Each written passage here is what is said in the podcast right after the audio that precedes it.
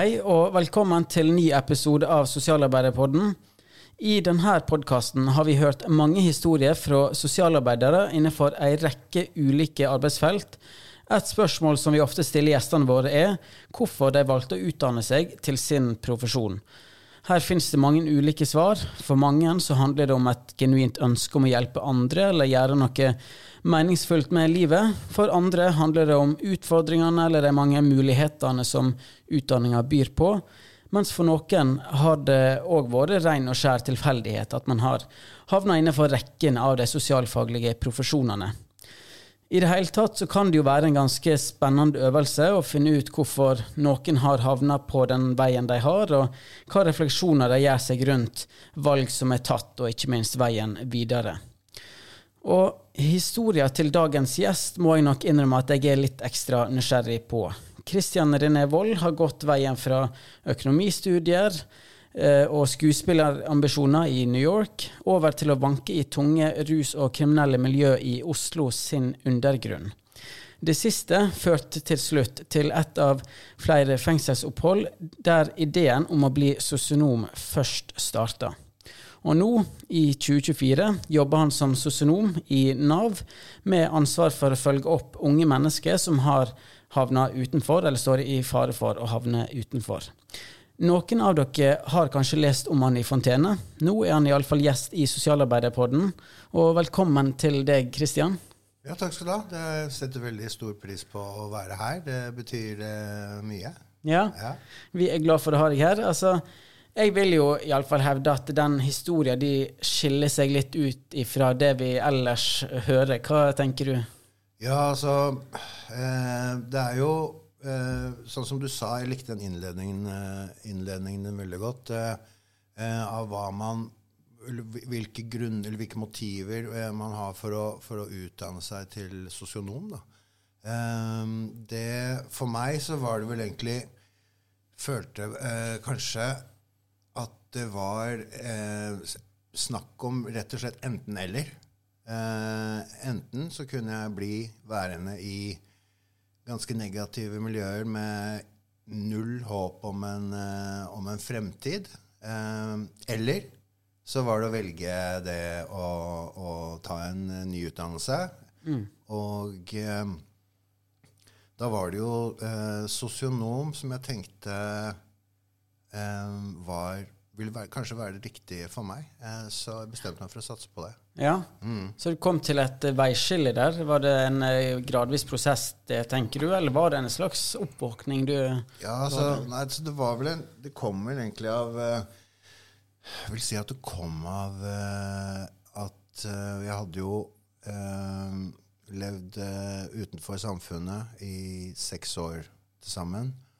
Og jeg hadde hadde vel akkurat sluppet uh, ut fra Jeg sona en dom. da, uh, Hadde sluppet ut uh, fra soning. og hadde ikke noe jobb. hadde ikke noe sånn håp eller forutsetning om å, om å Jeg visste ikke hva jeg skulle gjøre, rett og slett. Så det var vel da jeg fikk ideen om at uh, kanskje jeg skulle prøve på å ut... Jeg hadde vært flink på skolen tidligere. Mm. Så det var da jeg, skulle, jeg hadde lyst til å, å, prøve å utdanne meg til, uh, til sosionom. da. Og mm. uh, det, det, her var altså, det tok vel et, Jeg tror det tok litt mer enn et år før altså Søknadsprosess og, og litt sånn samle karakterer og sånn, så det tok vel et år fra jeg ble løslatt, et, ja, til at jeg begynte på studiet. da. Ja. Så, men det var jo motivasjonen nok i seg selv. Og da, da hadde jeg allerede en, eh, et annet ansvar. Jeg hadde akkurat blitt far, jeg hadde en datter som var eh, vel tre år. Og så fikk jeg et nytt barn, en sønn, eh, i 2010. Mm. Så um, hverdagen begynte å bli annerledes, men eh, Det var flere ting som spilte inn? på en måte? Det var flere ting som spilte inn, men det var jo, eh, det, var jo det, med å utdanne meg til noe annet. For jeg, jeg hadde jo vært i utelivsbransjen, eh, og jeg skjønte jo at eh, det hadde vært en overgang der fra at man kunne jobbe som f.eks. vakt uten noen form for uh, godkjenning av staten, men så kom de der vaktkortene og brikkene inn. Og jeg hadde jo jeg hadde gjort, tatt det kurset, men jeg ble arrestert uh, dagen etter jeg var ferdig med kurset. Så da røyker jo den muligheten. Eh, og ja, så man må, må si man, man, man har ganske, Jeg følte at jeg hadde veldig mye sånn odds mot meg, men så tenkte jeg bare sånn Jeg må prøve å gjøre det her for barnas skyld, da, sånn at jeg kan bli med tiden bli en, eh, bli en eh, ansvarlig pappa. Ja. Det gikk ganske fort. Ja.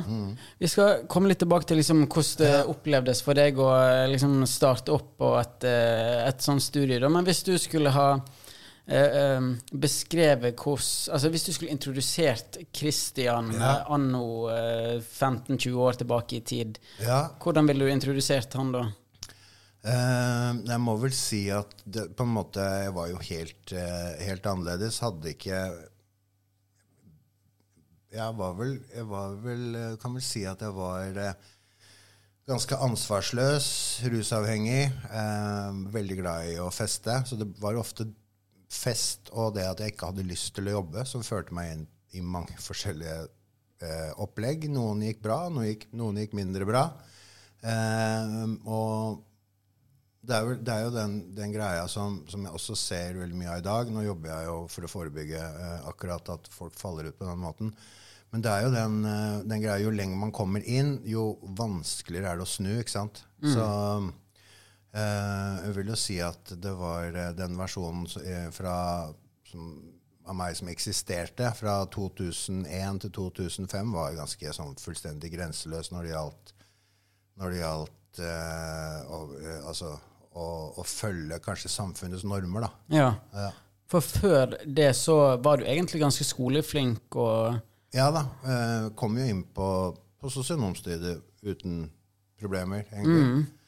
Og eh, det er jo ganske, det, det er jo ganske høyt. Nå er det enda høyere snitt, tror jeg. Eh, Ja, det har vel Ja. Ja, jeg begynte i 2010, eh, men jeg fikk jo tror jeg fikk ordna det siste ved hjelp av alderspoeng eller et eller annet. eh, Ja, ja. På den, den tiden der. Mm. Ja, nå ble jeg litt avledet. Hva var spørsmålet igjen? Ja, nei, bare sånn eh, den, Jeg er liksom nysgjerrig på liksom den veien din fra, fra da du eh, Ja, du beskriver at du var ganske grenseløs, Ja. til eh, liksom fram mot at eh, du valgte å bli sosionom og Det var jo en sånn her prosess. da. Jeg, jeg, jeg ble jo dømt. Eh, fikk et år eh, bak murene. Og eh, tror det var til sammen så fikk jeg samle sånn gjeld på 1,6 millioner som skulle tilbakebetales til, til banker og, og sånn. Um, eh, og Og så beskrev at det var bra for deg å bli ja, det, det, for meg så altså, Det var bra for meg. Altså, det, det, jeg har faktisk møtt han politifyren og, og takka han som, som eh, eh, tok meg, eh, faktisk. Eh, for det, altså jeg vet jo, hvis ikke det hadde på en måte Det var et slags vendepunkt, da, selv om eh, det tok litt tid før, eh, før jeg skjønte det. Men altså det, hele den der prosessen med, med å, å sette i Jeg hadde jo ikke åpna post på, på seks år. Um, hadde, ikke, altså, hadde ikke vært folkeregistrert uh, på mange år. Så det kom jo utrolig mye post når eh, jeg registrerte meg, og uh, fikk samla gjeld. Um, måtte, skjønte jo egentlig at for, for å klare det her, så var jeg nødt til å tilpasse meg et system som jeg hadde uh, lært meg som, ganske sånn profesjonelt å klare meg uten. da. Eh, Ikke forholde deg til. ja, ikke forholde meg til det i det hele tatt. Men nå var, jo, nå var det jo Det var jo en helt annen eh, fase jeg befant meg og, og det søkte jo også bl.a. gjeldsordning, eh, som Den var på den, I og med at det var straffegjeld, så var det sju år. Eh, første tre årene av det studerte jeg jo, men de fire årene senere så betalte jeg det jeg kunne. Nå får jeg et sånt regnestykke. Ja. Man skal basere på altså faste utgifter og, og, og litt sånn. Så da følte jeg at da fikk jeg betalt ned en del òg. Det, det bidrar til å øke altså selvfølelsen, eh, som var ganske lav. Følte meg var mye skam og sånn som, som eh, jeg slet med i begynnelsen, da, når man driver og omstiller seg og Men Vil du si da at liksom det oppholdet i fengsel altså, Var det at det hjalp deg å få en slags oversikt, eller en Ja, jeg vil kanskje si at det er nesten litt sånn trinnvis.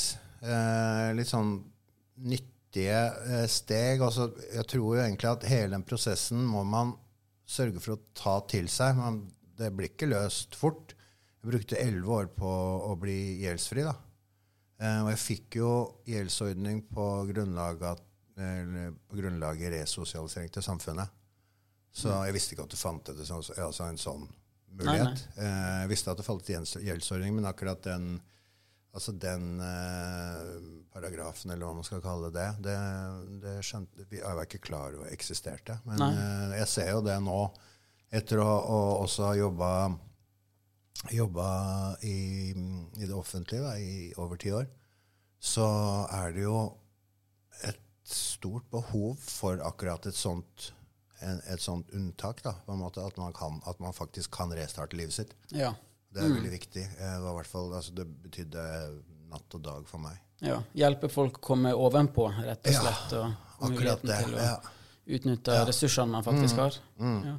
Og det lærer man seg. Det, det er jo bare å si noe om den prosessen. For man lærer jo seg det for hver måned måtte jeg da gjøre sånne regnestykke av mine inntekter. Samboers, hun jobba jo. Eh, samme samboers inntekter trekke fra og sørge for at det var riktig, og så sende det inn da, i, eh, i brev. Per brev. Nå er det sikkert digitalt.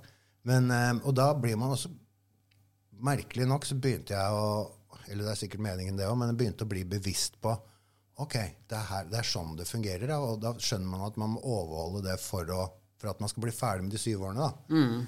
Ja. Ja, man fikk et visst eh, press på seg nesten til Ja, man systematiserer ja. på en måte, eh, og man vet at man gjør det for, for sitt eget eh, beste. Da. Det, mm. det, som, det kan, kan, kunne virke som en sånn pes, men til slutt så ble det en sånn motivasjon. I hvert fall når årene gikk. ikke sant? Ja, mm. ja og så etter hvert som åra gikk, da, så ble du òg litt opptatt av det her sosionomyrket og valgte ja. å søke deg inn der. Og så begynte du der i 2011. 2010. Ja, jeg var ferdig 13. Ja. Mm. Hvordan eh, var det å starte på, på, det studiet? Det var fulltid? Eh, det var fulltid, ja. På, det het, da het det HiOA. Mm, eh, her i Oslo? Mm, her i Oslo, ja. Så det var, jeg var 36, og jeg da hadde jeg jo en, en nyfødt uh, sønnen min. Han var født uh, i mars, så studiet begynte vel i august.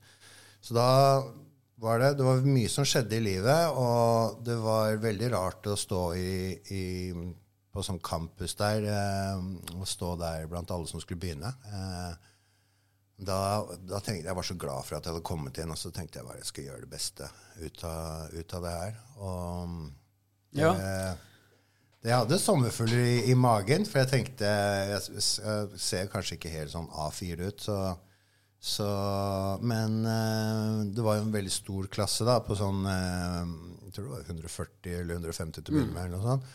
Så jeg følte på en måte raskt at uh, det var jo også alle aldersgrupper. Jeg tenkte nå kanskje bare 19- og 20-åringer, men det var jo veldig variert mm. med alder. Og, og, også både altså, begge kjønn da, ja. er representert. Ja, ja. Nei, det er klart det er mange som møter med litt sånn sommerfugler i magen på mm, ja, første studiedag. Ja, eh, men det er jo eh, et stort mangfold innenfor uh, våre felt. Det er absolutt det. Uh, ja. Men uh, møtte du noen reaksjon Altså Var du åpen om din bakgrunn, eller hvordan var det? egentlig sånn Ikke sånn Altså det var ikke sånn Etter å ha presentert meg, så var, fortalte jeg nødvendigvis ikke hva jeg holdt på med Nei. de siste ti, ti årene. Men eh, eh, altså, jeg regner jo eh, med at eh, eh, flere på en måte skjønte, også når vi kanskje hadde samtaler om, om forskjellige emner, og sånn, at jeg kunne jo ganske mye om rus og, og sånne ting. Og da sa jeg altså, jeg har jo eh, vært misbruker selv, så jeg vet hvordan, hvordan det er. Så det var, så, det, det var ikke så, vanskelig, og jeg følte at Eh, jeg har lært meg sånn at det, man kommer mye lenger med ærlighet enn med, enn med å, å, å, holde ting inne og kanskje mm. altså, lekke litt og litt. Så, men ja. det var, det var, jeg følte det kunne åpna meg når det kanskje passet, da. Ja, ja. Mm. ja det er jo naturlig, det. Og så er det jo, er det jo mange eh åpensinna folk mm. som velger akkurat den retninga her. Ja. Men så gikk du altså disse tre åra her eh, på mm. sosionomstudiet og eh, var klar for eh, arbeidslivet etter det, og da begynte du altså i Nav-sagene? I Nav-sagene. Ja. da, da, var det Jeg var på Jeg tror jeg var på to eller tre Jeg begynte å Jeg tok sommerferie etter jeg var ferdig med, med studiet, husker jeg, og begynte å søke jobber eh, i august. Var på et par intervjuer. Og så søkte jeg egentlig på en jobb som saksbehandler i, i, i Nav Sagene. Så var jeg på intervju, og da satt eh, nestlederen var til, stede i panelet, og så sa hun at eh, jeg tror kanskje vi har en, eh, en stilling som kunne egentlig passet deg litt bedre. Eh, og da når jeg gikk, så ble jeg ringt og spurt om jeg kunne komme på intervju dagen etter. som jeg, Det gjorde jeg. Og så ble det da til at jeg kom i boligkontoret og begynte å jobbe med eh, et område på Torshov som heter Søndre Åsen. Mm. Eh, med kommunale oppfølging av kommunale boliger. Da. Det var et sånt områdeløft som skulle begynne, og sånn, så det, det passa egentlig veldig fint. Ja. Og da var det Hva type menneske var det du eh, møtte da og skulle bistå? Eh, det, altså, be, bebo, altså Det er jo et mangfold innenfor de som, de som bor i kommunal leilighet også. Eh, men eh, jeg møtte jo på flere som jeg kjente fra min, mitt tidligere liv, hvis jeg kan kalle det det. Ja. Og også, Hvordan var det? Jeg, jeg bodde jo på en måte i Jeg bodde i over Torsådalen. Jeg bodde en periode på 2000-tallet, eh, så jeg kjente jo til området eh, godt. Så det var faktisk ganske pussig. Jeg eh, Jeg tror første dagen jeg var på, på befaring i en av de gårdene som jeg skulle jobbe med, da, så var jeg sammen med, med lederen min på boligkontoret. Og da, da kom det en som var innom gården. Jeg vet ikke om det var beboer eller ikke. Men uh, han spurte om jeg hadde noe celle. Oh, ja. Ja, foran, foran uh, meg, til meg og lederen min. Da.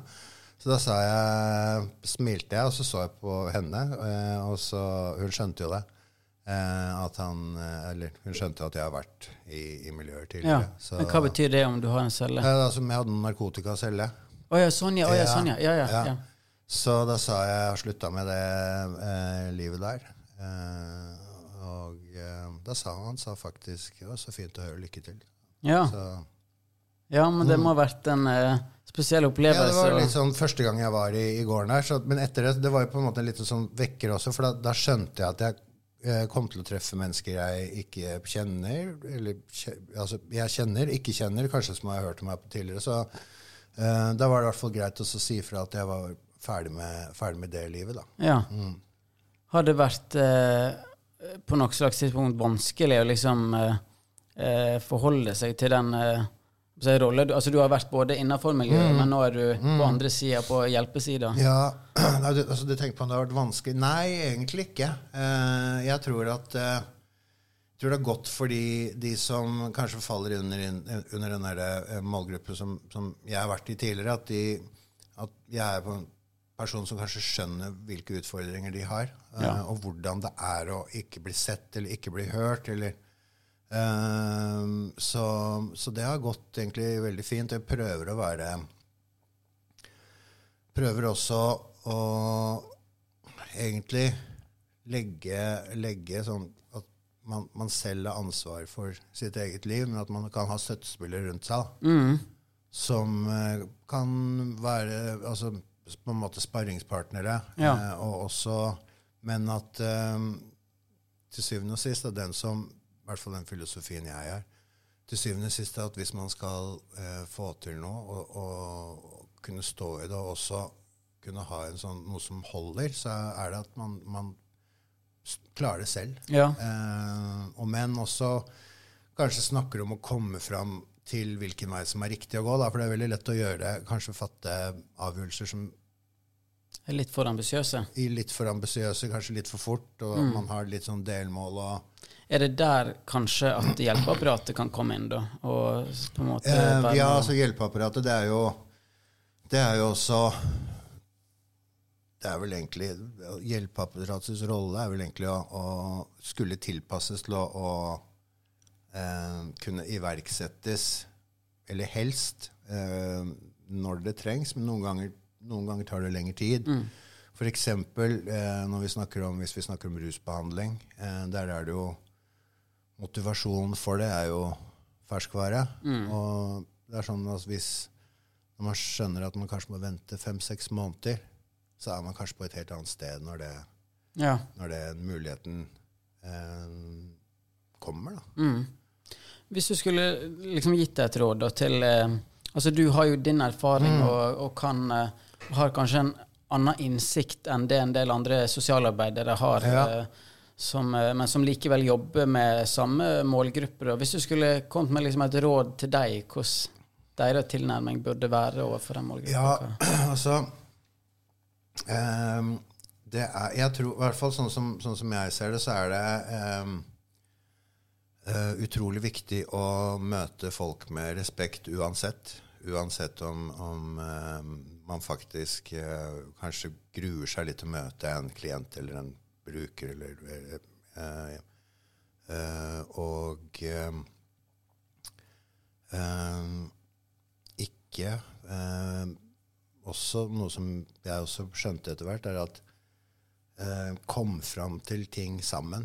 Da får man også en relasjon når man, når man eh, kanskje tar ting fra begynnelsen, snakker seg litt tilbake i tid, eh, og også forsøker å forstå den personen her, da. For det, det er jo også eh, mange som kanskje har et dårlig forhold til hjelpeapparatet eh, fordi kanskje man skremmer, eh, Ja. skremmer de, de ansatte, eller at, at man har et rykte på seg for å være utagerende. Mm. Men hvis man prøver, kanskje prøver å, å se litt forbi det, og, men samtidig også selvfølgelig sørge for at man er trygg i situasjoner, men at man, man får en, eh, en relasjon, og også eh, kanskje ikke eh, love for mye, men at si ifra det her kommer til å ta tid. Eh, men man kanskje deler opp i litt mindre, eh, mindre eh, kortsiktige mål. Da. ja. Stå i det, det er det et, eh, måte et stikkord? Altså, Ja, stå i det. Ja. Eh, stå i det eh, både på, på godt og vondt. Jeg har også funnet ut at det med, mm, med tilgjengelighet er noe som, som er em, en faktor som er ganske sånn avgjørende. Som, som jeg, jeg er ganske tilgjengelig. Eh, mange av de ungdommene jeg jobber med, også de, de bytter jo nummer og kaller alltid har telefon og sånn, så det, det kan jo også være at man eh, faktisk er nødt til å ha kontakt på Messenger eller et eller annet sånn, fordi det, man mister telefonen og eh, Så, så det, det kan hende også, men jeg, jeg, hvert fall, samtidig så er jeg veldig flink til å, å, å si fra at klokka halv fire så skrur jeg av telefonen, eller da setter jeg den på lydløs, og så blir ikke den sjekka før dagen etter klokka sju. ja. eller åtte. Ja. Jeg pleier å begynne dagen sju. Jeg liker det. Mm. Men er det For du jobber jo altså, en del med ungdom òg. Ja. Eh, og hva liksom plattformer møter du deg på? Er det liksom eh, Er det på digitale flater òg, eller? Ja, det, altså, be- be- det er jo sånn Jeg, jo, altså, jeg gjør jo ganske mye sånn innenfor sosialt arbeid, for jeg er jo 100 i Nav, og så er jeg eh, i psykiatrien i, på Ahus i Akershus. Eh, der har jeg 15 stilling, og så uh, reiser jeg rundt med foredrag. Uh, så Hvem er det du holder foredrag for? ja, jeg har delt inn det. Det er litt, sånn, litt basert på min historie. Det er et motivasjonsfremmende foredrag, det er som man kan si det sånn, livsstilsendring. Uh, og så har jeg også en i retning av uh, rus- og kriminalitetsforebygging Uh, for lærere, eh, elever, studenter, Ja. og også foreldre, da. Mhm. Eller at man kombinerer f.eks.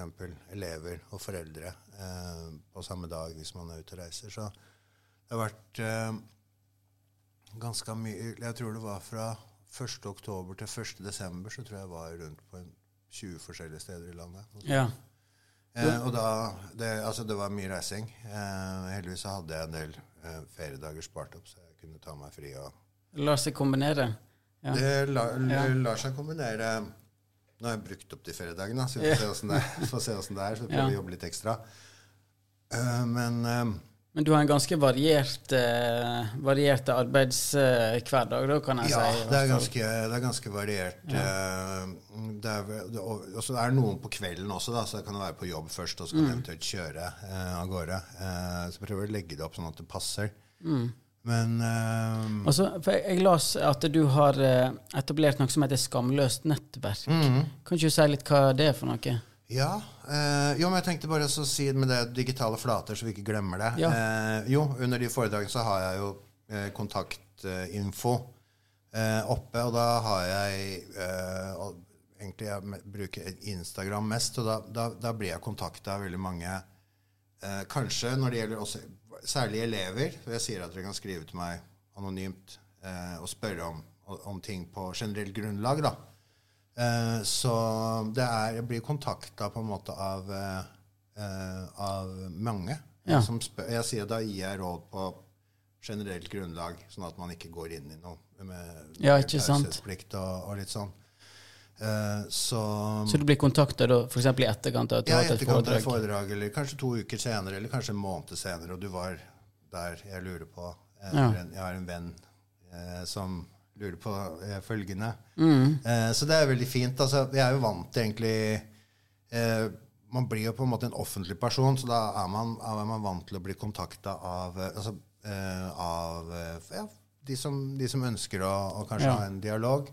Eh, så ja, nå følte jeg i hvert fall at jeg fikk svart på Ja, det. ja. Det, men for litt av grunnen til at jeg Jeg glemte nesten at jeg spurte om det, men. Ja. litt av grunnen til at jeg spurte om det med digitale flater, er jo Ja. for at uh, vi vet jo at eh, for altså Måten ungdom holder kontakt med hverandre Ja. på, eksempel, er jo helt annerledes nå enn det var for bare ti år siden. Ja, ja. Og sosiale medier er jo selvfølgelig en, en stor uh, arena. Eh, hva tenker du liksom om uh, Altså, hva plass bør sosialarbeidere ta når det kommer til det å være til stede på Ja, nei, så jeg, jeg merker jo at sånn ungdoms... Sånn, opp, eh, sånn uteteam og, og litt sånn De eh, når jo ung, som, Det var det vi snakka om med telefon sist. At Mm. de bytter nummer, telefonen er ikke på, du kan ikke ringe ut. Eh, og for, altså, man mister jo telefonen sin også. Ikke sant? Så jeg ser jo at eh, det er flere og flere bydeler og sånn som får Instagram-kontoer. Eh, Facebook er det ikke så veldig mange unge som bruker. eh, det, men eh, TikTok og, og Snapchat og sånn, det er jo altså, det er jo en, en Det er jo kanaler for kommunikasjon, da. Mm. Eh, og de unge kommuniserer jo på helt andre måter enn det eh, en voksen person er vant til. Ja, ja. Eh, så det å være til stede der, det, det tror jeg er ganske viktig. Eh, også følge med på, på måte hva som, hva som skjer, hva, hvilken musikk eh, Ja. de hører på.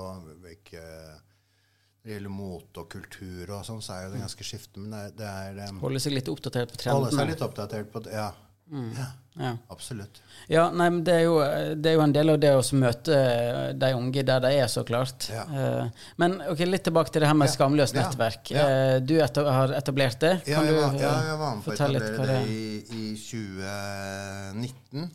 Da var det eh, Skal jeg fortelle litt om bakgrunnen? Det var eh, eh, Det var eh, ganske urolig periode. Det var året før eh, covid. Eh, det var ganske urolig periode på våren. Så jeg snakket med en kamerat som i, jobber i en annen bydel eh, som har holdt på å jobbe med ungdom over 20 år, eh, og eh, sa at jeg syntes at vi burde eh, følge med litt ekstra på situasjonen. For vi merker jo at eh, uroligheter skjer jo sånn ikke bare ett sted, men over eh, altså hele byen. da. Eh, og han var helt enig. Ehm, så eh, vi begynte å eh, ha litt møter med noen av de som var aktive, og som skapte uro. da. Eh, for egentlig for å prøve selvfølgelig for å roe ned situasjonen, men også forstå, for å forstå hvorfor. Eh, og eh, det funka egentlig veldig fint. Så da, i 20, litt senere i 2019, så bestemte eh, jeg og eh, en annen eh, kamerat og moren hans faktisk om å starte et eh, ideell organisasjon da, som heter Skamløst nettverk. Vi har jo, har jo også et jeg er daglig leder et forlag som heter eh, Skamløst forlag. Eh, og da tenkte vi at eh, primært at vi kunne starte det Skamløst nettverk for å, å kunne ha muligheten til å gi ungdom bl.a. arbeidserfaring ved at du kunne jobbe med eh, forlagene via boklanseringer og, og, og annet. Um, så ja, vi starta det samtidig, og Ja. det har egentlig vokst til å bli et byomfattende tilbud eh, som eh, Og målgruppen er da Målgruppen er vel du kan si 13 til 19. Eh, men det er veldig mange altså i alle aldersgrupper som kan få oppfølging eh, av oss. Vi, så jeg tror vi den eldste vi har fulgt opp, er vel rundt 66 år, Ja. Nei, 62, 62 år gammel. mm. Så målgruppen, den er Eh, ja, sånn den er, altså, fleksibel? det, er, det er for alle, og det skal være gratis på en måte å få uh, oppfølging. Ja.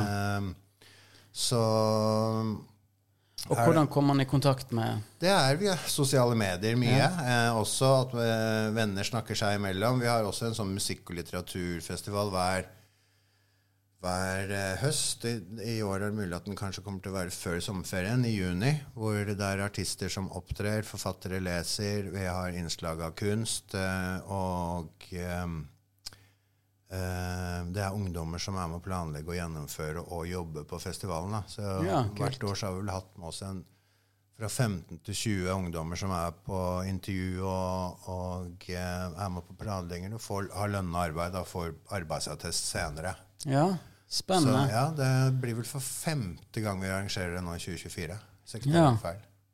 Det her er jo uh, Kunne vi sikkert snakka enda mer om Ja, altså, hvis, eh, det, Vi har jo litt Altså, det her er jo Oslo-basert, Ja. men vi har jo en eh, relativt eh, stor lytter. Det skal òg i Oslo-området, Ja. men det her er sikkert sånn som andre rundt omkring i landet kan la seg inspirere Mm. av. Men hvis man vil lese mer om det her, hvor finner man dere? Eh, da kan man, det, vi har, det er bare egentlig skrive 'Skamløst nettverk' på, i browseren eller på Google, og så kommer det opp Ja. til hjemmesiden Ja. Og så har vi 'Skamløst nettverk' i Instagram og Facebook. Og. Ja, ja men det, det er god Mm. nok, eh, god nok eh, beskrivelse, det.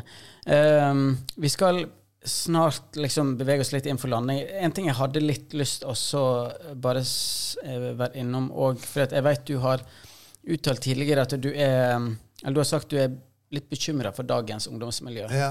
Og det er jo kanskje ikke et sånn veldig kontroversielt utsagn når man ser liksom overskriftene som, Ja. som eh, kan prege avisene og diverse Mm. tidvis. Men kan du si litt om hva du er bekymra for, og hva du, hva du tenker at vi bør Altså, det, eh, det har jo vært mye fokus på det eh, det siste nå, med svenske tilstander. Eh, og om vi er redd for at det blir sånn her i Norge òg. Og da, er, da tenker jeg en sånn hvordan, Hvis man skal se på det litt, på en litt annen måte, så er det veldig, det altså, det er veldig mange, mye forutsetninger for at eh, Norge er rusta på en annen måte enn Sverige, eh, også i form av lovgivning, lovgivning eh, og, og andre faktorer da, som, som har med eh, oppfølging av ungdommer å gjøre. Så jeg er ikke sånn, er ikke sånn veldig sånn direkte bekymra av det. Eh, men det som er greia med eh, all den volden som skjer nå Vi leser jo at antall drapsforsøk har dobla seg eh, når det gjelder aldersgruppa gruppa 10 til 17. Og da er det jo det, det jeg er veldig bekymra for, er at eh, de ungdommene ute på gata nå, enten det er gutter eller jenter, de vet ikke om de de møter på, er bevæpna, har på seg kniv eller har skytevåpen eller, eller, eller lignende. Da. Eh, og det gjør jo det til at de kanskje tar med seg det ut selv Som beskyttelse. som beskyttelse, og for at de også De vil ikke være dårligere enn en de andre, da. Eh, og så er det jo også blitt veldig sånn territoriale eh, områder som er eh, det sånn, eksempel at en fra en annen bydel ikke kan komme til, til den bydelen fordi det er deres område. eh, og det gjør jo at hvis man skal besøke noen som bor der, da, så at man kanskje bevæpner seg. og det er sånn at man først kniven er oppe, eller, eh, da er det veldig vanskelig å legge den tilbake. Ja. Eh, og det er vel også veldig raskt å bruke den. Selv om man kanskje ikke mener det, så kanskje den andre tar opp noe, så er man i gang. ikke sant? Så jeg tror at en sånn bevisstgjøring av hvor alvorlig det er faktisk å skade noen andre, er eh, et av de kanskje viktigste virkemidlene som man har for å kunne eh, skape en holdning om at det ikke er greit. Ja. Ikke er greit å skade noen andre. Eh, og det Så litt sånn bevisst altså holdningsarbeid og kunnskapsarbeid opp mot eh, Mm. disse Altså ungdomsgruppene. Ja. Ja. Hvordan tenker du man kan nå ut, da? Eller hvor starter man? Ja, altså det er jo Det er jo det øh, jeg gjerne prøver å få på eh, spredd Når jeg er ute og for eksempel har foredrag, så har jeg med meg noen, noen unge menn som er litt yngre enn meg, som også da knytter en, på en måte en annen, andre bånd til de eh, elevene som, som hører på, som forteller eh, historier, altså forteller ting som har skjedd de, og hvordan reaksjonen på det altså Man får inn kanskje en sånn konsekvenstenking. Eh, man kan legge inn det med impulskontroll. Og det er ikke Det er ikke en skam kanskje å, å snu eh, og trekke seg fra et, på en, en, en situasjon. Men det er vanskelig. Ja, Men tenker tenker du at det er, det, har, det er mer effektivt når det kommer fra noen andre enn deg sjøl? Eh, ja, for nå er jeg, jeg blir jo 52. Eh, så da, eh, da er det Hvis det er en, en, eh, en eh, kar i, i 20-årene, eh, så er det Merker jo at kombinasjonen med på en måte kanskje lang erfaring, og, og også en som akkurat har kommet ut av det, den er veldig uslåelig. Ja. Uh, for å si det sånn. Da, da når man uh, merker når vi har besøkt på skoler og sånn, så vil ikke elevene at vi skal dra. De kommer og spør om ting og spør om ting sånn en time etterpå. Ja, ja for det, det jeg hører litt at du sier på en måte at skolen er i hvert fall en veldig god arena til å nå ut Skolen er en veldig god arena eh, å nå ut gjennom, og også det med at eh, også har vi også det snitchebegrepet som, som egentlig er nødt Tysting. til å Tysting, ja. Eh, som er egentlig nødt til å Jeg har hørt det helt ned i barnehagealder. Ja. Altså i, ned i barnehagen. Eh, og altså Det er eh, Det blir helt feil. Så også, også kanskje kunne snakke om det at det at man sier fra at det er noe som er urettferdig, eller at man ikke har det greit, eh, det er jo ikke eh, altså tysting, men det er at man forteller om sin situasjon. da. Ja, Eh, for det er på en måte ja, dialogbasert og Dialogbasert. Og også, det ser, er, spørs jo også på Det har blitt på en måte sånt våpen for eh, Et ve veldig effektivt våpen for de som kanskje mobber andre. Mm. det kan begynne med det, da. Som elementær eller som basic greie med mobbing. Eh, det at man sier ifra da, da har man plutselig tysta. Eh, og det, blir jo helt, det er jo helt feil. Ja. Altså, eh, og også si ifra hvis noen andre, man ser at noen andre har det vanskelig. Eh, da må man egentlig skjønne at da man, prøver man å gjøre noe for noen andre. Ikke for å kanskje få noen i problemer, da. Ja. Det, det er jo eh, mange uh, si, tilnærminger som vil være viktige for liksom å uh, forebygge Ja. uh, ungdomskriminalitet og, og håndtere det når det, når det skjer. og sånn. Ja. Så, så er det enkelte krefter som tar til orde for typ strengere straffer, Mm. senke kriminelle lavalder, det har vært et forslag. Ja.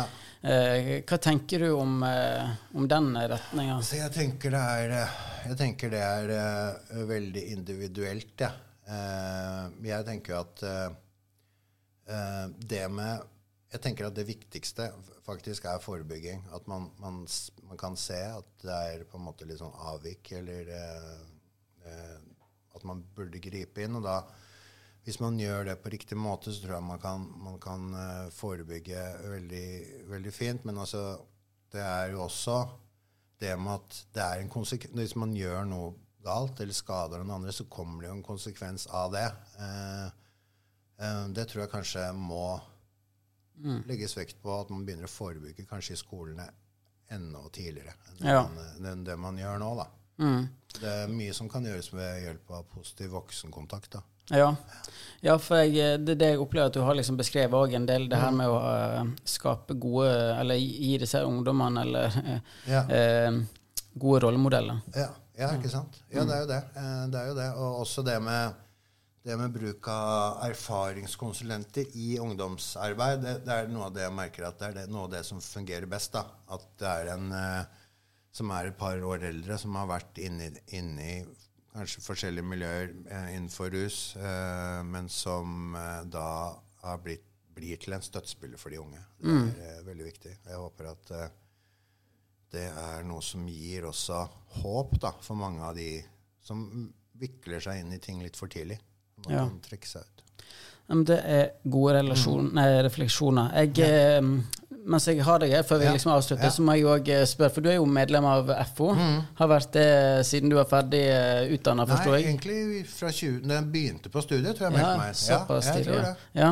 Hva er grunnen til at du er fagorganisert? Uh, nei, altså det, det er jo blant annet for at man, man får jo uh, også altså visse fordeler, selvfølgelig. Men også det at uh, jeg syns det er eh, Det er den eh, syns det er en fin greie at man, eh, at man tilhører noe som eh, eh, egentlig bidrar til å, å sikre medlemmenes eh, rettigheter.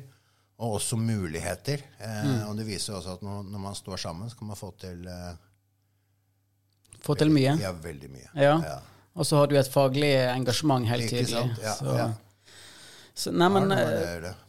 Det har vært veldig fint å få, få snakke med deg. Hvis du skulle nå ha avslutta med en slags uh, oppfordring eller appell til, liksom, Ja. til politikere eller til FO eller andre Ja. med liksom, innflytelse, uh, hva, hva ville det vært da? Ja, altså Nei, jeg håper jo at uh, det vil bli gitt mer midler til, å, til utekontakter. Ikke bare i Oslo, men over hele landet. Eh, økt mulighetene for å få utdannet erfaringskonsulenter. Det er ikke alle som klarer å, å gjennomføre en, ba en bachelor i, i sosialt arbeid, men som også kan bruke sin egenerfarte eh, kompetanse til å hjelpe andre. Da. Eh, så håper at det eh, de ressursene kan få mer spillerom i, i årene som kommer. For det, jeg vet at vi kommer til å trenge akkurat det. Ja. Nei, men Det var et fint, Ja. eh, en fin eh, oppfordring å Ja. avslutte med. Så da bare sier jeg tusen takk for at du var med i eh, denne episoden. Mange takk. Takk selv. Og takk òg til dere som har lytta til episoden. Vi er jo som alltid opptatt av at denne podkasten skal være interessant å følge for eh, FO-medlemmer og andre med interesse for det sosialfaglige feltet. Så hvis du har forslag til tema vi bør ta opp, eller gjester vi bør invitere inn, så nøl for all del ikke med å sende en melding til noen av oss på forbundskontoret, eller ta kontakt med din nærmeste tillitsvalgt, så kan de helt sikkert sende tipset videre. Det var i hvert fall alt for denne gangen. Mitt navn er Ole, og du har hørt på Sosialarbeiderpodden. Vi høres snart igjen.